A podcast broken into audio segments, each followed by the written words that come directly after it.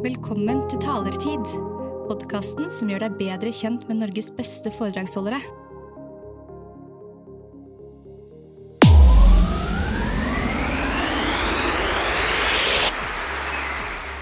Wow.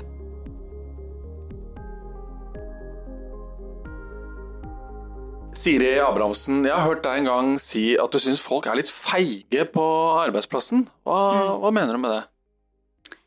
Folk vil gjerne ha det behagelig, da.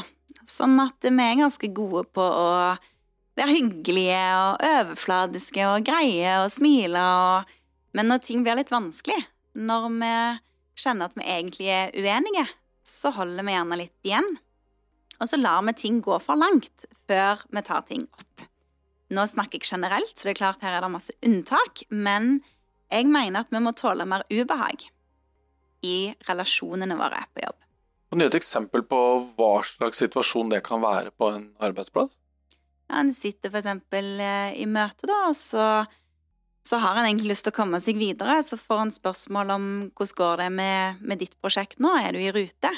Og så sier du bare ja, for du vil unngå det ubehaget det skaper med å si vet du hva, jeg, jeg sliter faktisk litt nå, jeg trenger hjelp. Sant? Og så går alle fra møtet med en forståelse om at ok, du er i rute, og du er i rute. Men så vet vi at egentlig her så er det mange som, som skulle hatt mer sperring, som skulle hatt mer hjelp. Men siden vi i vårt land her er så vant med å klare oss sjøl, så skal vi òg gjøre det på jobb. Og det hindrer en del gode samarbeid.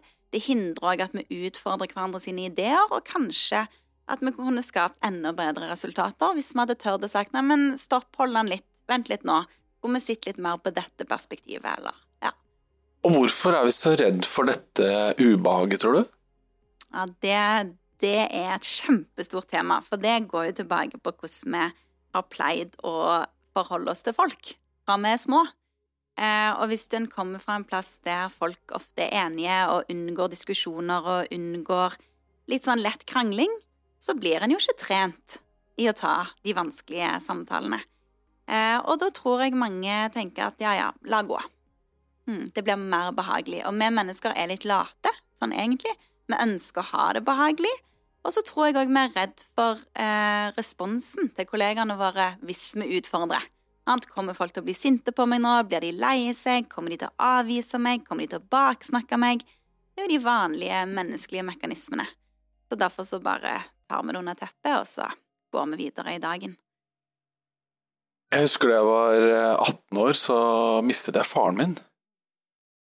Og mamma opplevde at alle naboene og alle hun kjente, de gikk rundt henne i butikken.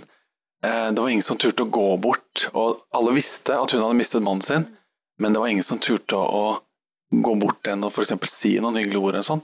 Det er kanskje også litt sånn typisk norsk at vi unngår ubehaget, selv om vi vet at den personen vi kanskje ønsker å eh, gå til, eh, kunne trengt det. da. Handler litt om det samme. Ja, det tror jeg. Og jeg tenker sånn, så ensomt det må ha føltes når mor de vet at dette vet menneskene rundt meg, men de tør ikke å komme til meg. Og, og jeg tror jo òg at det er ikke fordi folk vil vondt, men, men en vet ikke hva en skal si. Og da bare unngår en å si noen ting. Eh, og det tror jeg vi mister masse muligheter for medmenneskelighet på. Ligner dette litt på det vi ofte hører om sosiale medier, at folk egentlig bare vil vise solskinnshistorier og bilder fra de rette vinklene og de vellykkede feriene? Handler litt om det at vi fortrenger litt det som kanskje ikke er så suksessrikt? Det kan godt være. Jeg har ikke, jeg har ikke lagt de to sammen før, men, men jeg tror jo um Ja, jeg tror jo at det er enkelt å gjøre. Dele det som går bra, og òg da bryr du ingen andre. Med en gang du òg i det møterommet da rekker opp hånda eller sier 'folkens, jeg sliter litt', da må du bry de andre. Sant? Sånn at da må de andre hjelpe til, og da tar du jo litt av tiden til de andre. Um, så, så det er jo òg det der å tørre å være til bry, eh, at det er vi kanskje ikke så trent på. Og dette med ubehag, om det er på butikken når noen har mista sin kjære, eller om det er i møterommet, dette er ting som må trenes på. Og det er nettopp denne treningen jeg er opptatt av, da. For det er jo, mer, jo oftere vi tar de rundene i møterommet, og jo oftere vi tør å gå bort og personlig gi en klem eller si 'vet du hva, jeg tenker på deg, jeg vet ikke hva jeg skal si, men dette var leit', sant? Når vi har gjort det noen ganger, så blir det lettere neste gang. Så, så, det er liksom det der å komme i gang da, og på jobb med å ta runden på hva funker dårlig nå, da, for oss personlig, for eksempel. Men det krever også noe av de som mottar den beskjeden. For hvis jeg sitter i et møterom og så sier til andre vet du hva, dette prosjektet syns jeg er vanskelig, jeg trenger hjelp. Hva krever det av de som andre som sitter rundt møtebordet? Ja, for Det du gjør da, Nils, det er egentlig at du gir dem en gavepakke. Sant? Du gir dem en pakke at de kan få lov å hjelpe deg. Men så er det en del som ikke tar imot den pakken. De kan ikke bare slenge den i gulvet, for de, de hadde nok i hendene. Sant? Eh, så det en må gjøre, er jo å, å si åh, takk for at du ber om hjelp. Jeg kan stille opp, ikke akkurat nå, men på tirsdag klokken to. Da kan jeg bidra på dette, høres det greit ut. Sant? Så det å være bevisst på at når noen tør å åpne opp litt og risikere litt, for det er egentlig det en gjør, en risikerer noe, så må en jo tenke ok, her, her, må vi, her må vi ta imot, folkens. Og igjen, da, det krever bevisst, bevisstgjøring, og så krever det at en har tid. Tar tid. Tar tid. Sårbarhet er et ord som ofte brukes. Handler dette egentlig om å tørre å vise sårbarhet? Ja, for det, det å ta risiko er jo sårbarhet. Sant? Sånn at når du deler noe som, som, gjør at du kan bli avvist, for eksempel, det er jo veldig sårbart. Um, der er en del misforstått sårbarhet ute og går, uh, som jeg blir litt frustrert på av og til. Um, det kan være eksempel at du skal være sårbar med å fortelle at du er dårlig og at du ikke gjorde det så bra på et eller annet ritt, eller at du er litt dårlig å strikke. Altså, jeg har opplevd dette. Dette er ikke tullete eksempler, dette har jeg opplevd på arbeidsplasser der en skal vise dette psykologisk trygghet i praksis, og så bruker en et eksempel om at en er dårlig å strikke. Og så tenker jeg det har ingenting med psykologisk trygghet å gjøre, det har ingenting med å være sårbar å gjøre. Sårbarhet handler om at nå gir jeg noe av meg sjøl som koster såpass mye, og mottaker kan gjøre dette bedre for meg, men den kan òg gjøre det verre. Det er det som er risikoen. Når jeg ber deg om hjelp, hvis du sier 'nei, Siri, det der får du klare sjøl', det kommer til å gjøre vondt for meg, for det koster meg noe å be deg om hjelp. Så den som mottar en beskjed fra en kollega f.eks. om at ting ikke er greit, den må egentlig bare åpne sansene, åpne armene og være til hjelp og, og støtte. Stemmer det? Ja, og hvis en ikke opplever at en har tid til det akkurat da, så i hvert fall ta personen nok på alvor og si takk for at du delte det med meg, vet du hva, jeg må springe akkurat nå, men jeg kommer tilbake til deg om en time. Altså, fyll det opp. Ikke la det mennesket bli sittende igjen alene uten å få noe hjelp. Du refererte akkurat til begrepet psykologisk trygghet, og det er det mange som snakker om for tiden. Kan du forklare litt om hva det begrepet egentlig innebærer i praksis, og, og, og fortelle hvordan en leder f.eks. kan skape psykologisk trygghet i sin organisasjon? Og psykologisk trygghet som kommer fra Amy Edmundsen, er jo på en måte veldig sånn hype, syns jeg, da, enn nå. Um, dette, jo, dette går langt tilbake i menneskets historie, og det handler om hvordan vi skaper trygge relasjoner, egentlig. Hvordan, hvordan kan jeg være trygg på deg? Uh, og da vet vi at definisjonen på det er at jeg kan dele mine ideer, jeg kan be om hjelp, jeg kan komme med vanskelige ting uten å føle at jeg blir straffa for det. Så hvordan en kan legge til rette for det, det er jo nettopp med å ha en åpenhet, eh, og som leder da faktisk tørre å risikere. Og tørre som leder å si at vet du hva, akkurat det vi står i nå, jeg har ikke peiling. Jeg aner ikke hvordan vi skal gjøre dette rett. Jeg trenger, jeg trenger dere til å være med og tenke med meg. Eh, det å vise at en òg gjør feil, og faktisk innrømme det og si at nå har jeg, eh, jeg har gjort noe skikkelig dumt. Eh, det der landa, landa veldig, veldig uheldig, og det var min feil. Og det er jo akkurat det samme som altså ledelse og, og, det å jobbe sammen er jo det samme som eh, familier, da. At det er alltid den voksne sitt ansvar for relasjonen. Og jeg mener at det er lederens ansvar da, for relasjonene, og hvordan det blir i det rommet. Og leder må sette standard for åpenheten. Hva tør vi å dele med hverandre her? Og leder må hoppe først. Men likevel så har i hvert fall jeg erfart at mange ledere, og kanskje også særlig da voksne mannlige ledere, de tviholder litt på den der eh, tradisjonelle litt sånn macho Lederen har alle svarene, lederen har høy utdanning, lang erfaring, lederen vet best. Og da er det kanskje vanskelig å plutselig være den som skal by på seg selv og vise sårbarhet, eller vise at dette mestrer jeg ikke. Hva kan man gjøre hvis eh, en som hører på nå f.eks. har kommet inn i en litt feil gate da, når det gjelder dette, og har lyst til å finne tilbake til en mer eh, hva skal vi si, trygg og åpen og sårbar kommunikasjon. Har du noe råd eller tips til det? Begynne å trene der det er litt trygt først. Sant? Begynne kanskje å gi litt mer hjemme, eller til noen gode venner. Begynne å ta litt risiko der det føles noenlunde ok. Um, ja, det er akkurat som noen øvel Jeg har nettopp begynt å øvelseskjøre med min eldste sønn, og jeg begynner jo på en parkeringsplass, ja, sant? ja, ja, en, en går ikke ut på motorveien, så, så en må liksom ta, ta um, Ja, begynne å trene, og så må en jo kanskje connecte med seg sjøl, det var dårlig norsk, men, men, på en måte finne ut ok, hva er det jeg vinner på å alltid være superhelten, hva, hva, og hva mister jeg? Som leder, hva mister jeg med at folk ikke tør å komme til meg med ting? Fordi jeg er en sånn eh, glatt figur på toppen som ser perfekt ut. For vi er ikke så glad i perfekte mennesker. Og det å bygge tillit det handler jo veldig ofte om å, å se at der er det et helt menneske med, med plusser og skraper og r og minuser og litt av hvert. Um, og så mener ikke jeg at en skal brette ut hele privatlivet sitt og hvordan barndom Det er ikke det jeg snakker om, men det er noe med å, å gjøre oss litt menneskelige. Og så syns jeg det er interessant sånn biologisk her, da, med, med menn og damer, hvis en skal generalisere, for det menn har jo liksom måttet vært i krigen. Og de har måttet gått ut og, og kjempe med store dyr, mens damene skulle være inne i hula og ta vare på ungene. Um, så, så, biologisk så har jo ikke menn fått belønning for å være sårbare. Sant? Når du er i krig, så kan du ikke ha for mye empati, for da klarer du, da holder du ut i en time. Sant? Sånn at, at sånn rein, og det å være klar over de forskjellene, og være klar over at for sånne machomenn, da, så, så må de kanskje virkelig prøve å finne barn i seg sjøl, og kanskje koble med egne barn. Det kan være en god plass å, å trene. Du er opptatt av relasjoner på jobben, du er opptatt av kommunikasjon, du er opptatt av empati, at folk skal føle seg vel blant kollegene sine. Hva har den nye tiden med all teknologien, og alle skjermene og nettmøter og sånn, hva har den gjort med vår måte å omgås med hverandre som mennesker på? Mm. Åh, det, jeg elsker det spørsmålet, og så tenker jeg det det kunne vi snakket om i mange timer, for det er ganske sånn alarmerende, egentlig, hva som skjer med oss. Og det som handler om, om, de små tingene som jeg er veldig opptatt av, det å gidde å bare sende den takkemailen eller gi en klapp på skulderen eller si 'hei, så kjekt å se deg', eh, det er ting som faller bort når vi føler at vi har det for travelt. Og så vet vi, forskning viser at de siste 20 årene så bare liksom hvor fort vi går på gaten, hvor raskt vi beveger oss. Vi går bare fortere og fortere. Eh, og vi vet jo òg at eh, digitaliseringen tenker jo jeg skulle gjort at vi hadde hatt mer tid.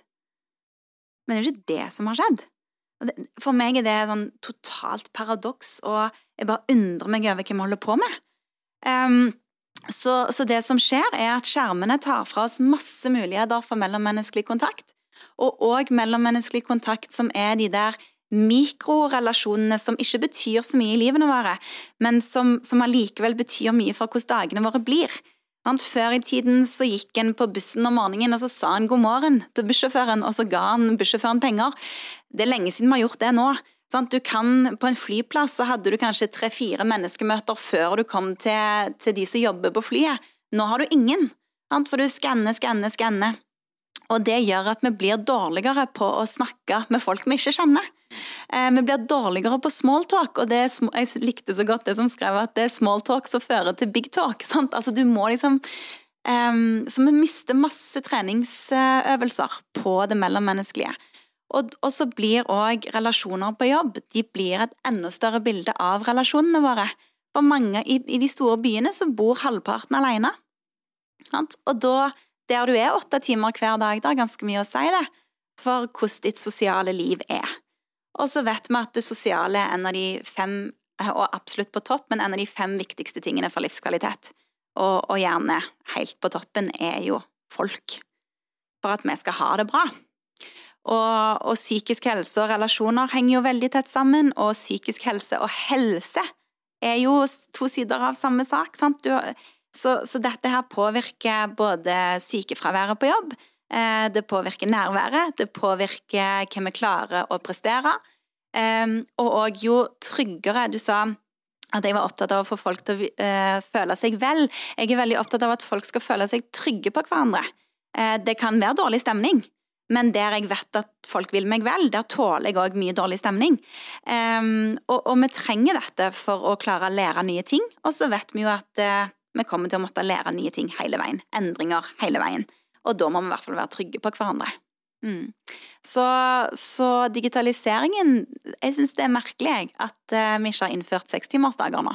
Thomas Hylland Eriksen skriver jo den boken 'Appenes planet'. Han skriver nettopp det du sier om alle de pausene før, hvor man satt ved benken, man, man satt på bussen, man hadde kanskje liksom en hvilepause som man fylte med andre ting. De er i dag gjerne fylt med apper og teknologi. Og som du helt riktig sier, det, man skulle tro at vi da gjorde ting raskere, men vi fyller det bare på mer. Og jeg tror han også skriver et eller annet sted at dette går mot null.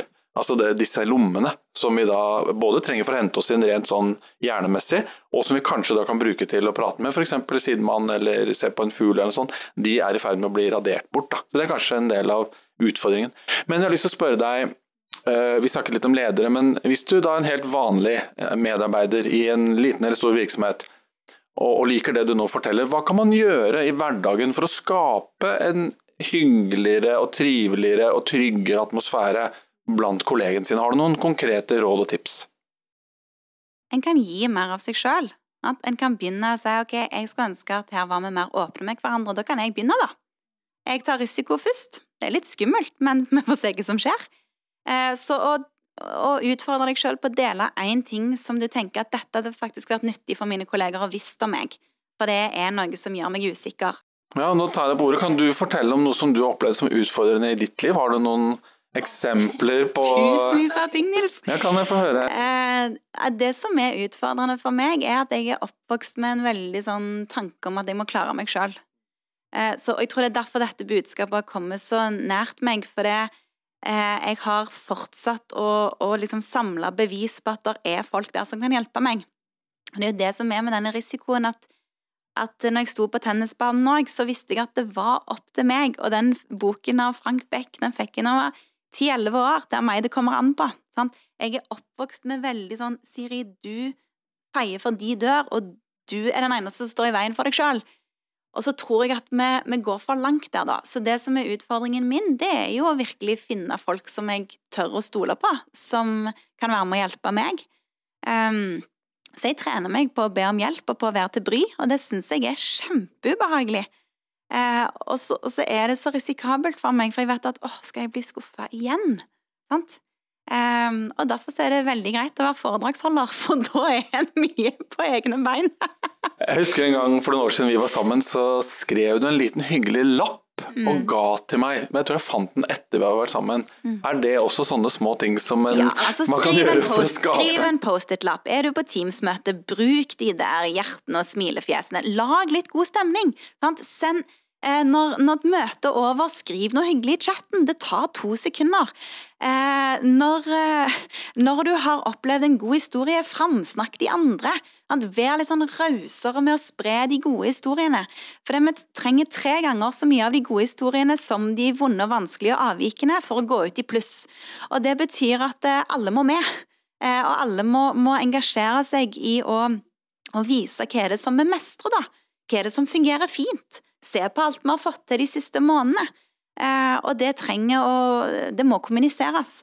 Men også tror jeg også, hver gang vi tenker noe fint om noen andre, så kan vi huske at når det er inni hodet vårt, så gir det ingen verdi til verden. Så det å få det ut på et eller annet vis, gjennom en melding eller eh, å si det til mennesket, det kan bety så ufattelig mye. Det kan ikke bli litt mye sånn kos og hygge og ikke på den måten. Jeg tror det kan bli for mye at vi skal være enige med hverandre hele veien. Det er jeg ikke så veldig for.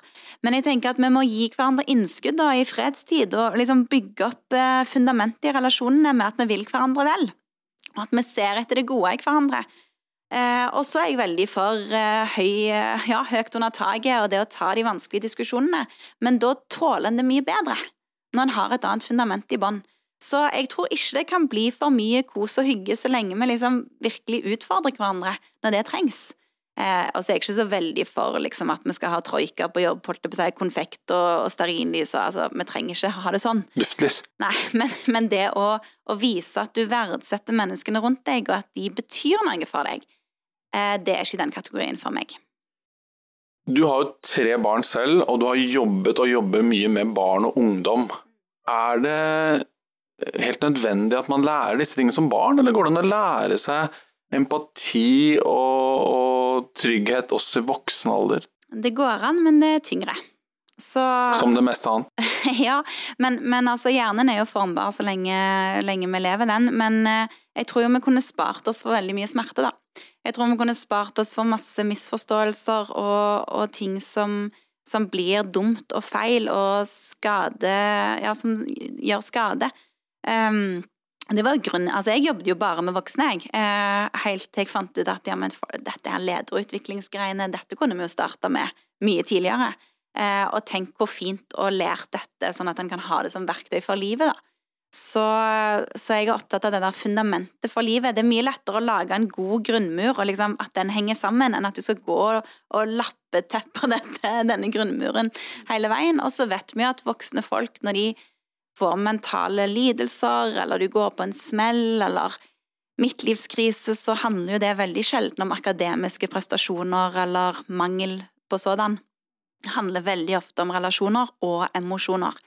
Um, og det, ja, det er mange ting jeg undrer meg over hvordan mange voksne mennesker bare unngår smerten uh, med å døyve den med ulike midler og sånn, istedenfor å gå inn igjen og kjenne ok, hva er det denne smerten handler om.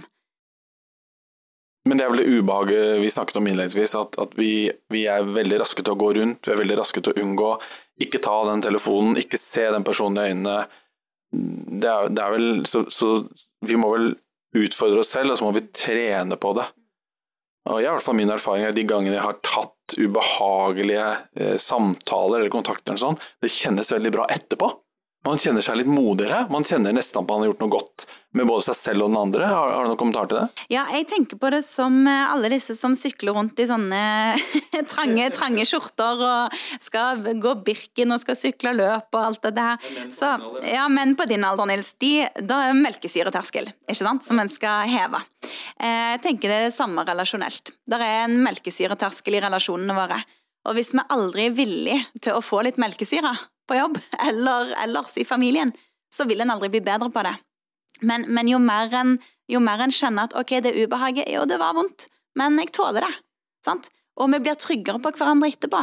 Ok, da er den eh, melkesyreterskeltreningen verdt det, fordi jeg kommer i bedre form. Jeg kommer i bedre form som leder. Eh, det der er så nydelig. Så, så, jeg tenker at alle de som liker å sykle rundt i trang drakt, de kan òg trene litt på melkesyre med relasjonene sine, da. Mental melkesyre? Ja. Litt sånn, ja, komme i bedre mental form. Mm. Fantastisk. Mm.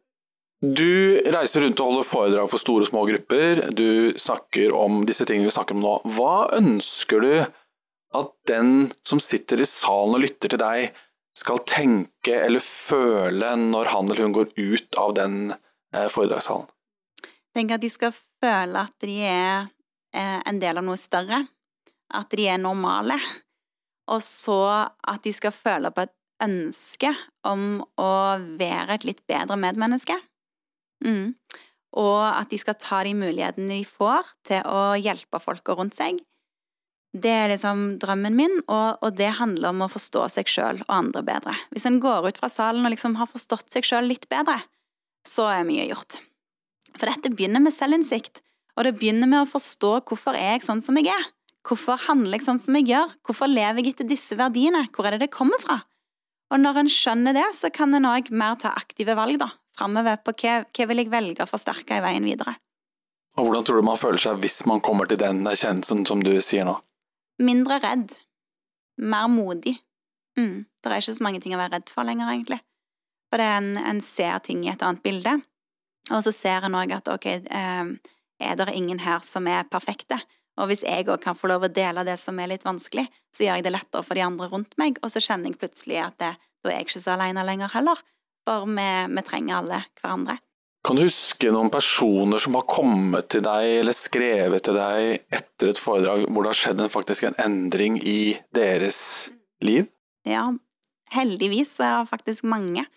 Eh, og da er det nettopp det som jeg sa om at eh, folk sier at de ønsker å bli et bedre medmenneske. Og da blir jeg nesten rørt når jeg sier det, for det høres så klisjé og banalt ut, men jeg tenker, er det egentlig et bedre mål enn det? Um, og så hadde jeg en, en, en, gjeng som var ulike fagdisipliner, veldig sånn høy kompetanse, faglig miljø, veldig, veldig um, flinke folk med det de holdt på med, men de klarte ikke å kommunisere sammen. og, og, så hadde de et foredrag med meg, um, og de sier at det er, liksom, det er før og etter det foredraget. For jeg klarte å myke de opp sant? Uh, på veldig Dette er tekniske mennesker som bare jeg klarte å treffe, da. Og det er det som er magisk, ikke med meg, men med budskapet. Det er jo at dette, dette er noe alle kan kjenne seg igjen i. Sant? Så det er så universelt.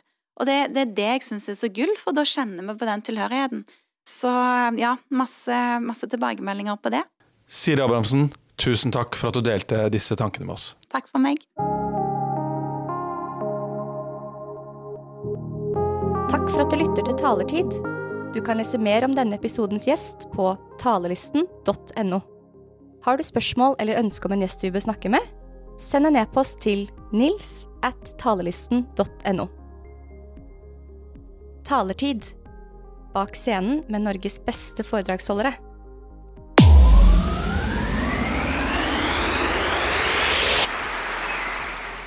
Wow.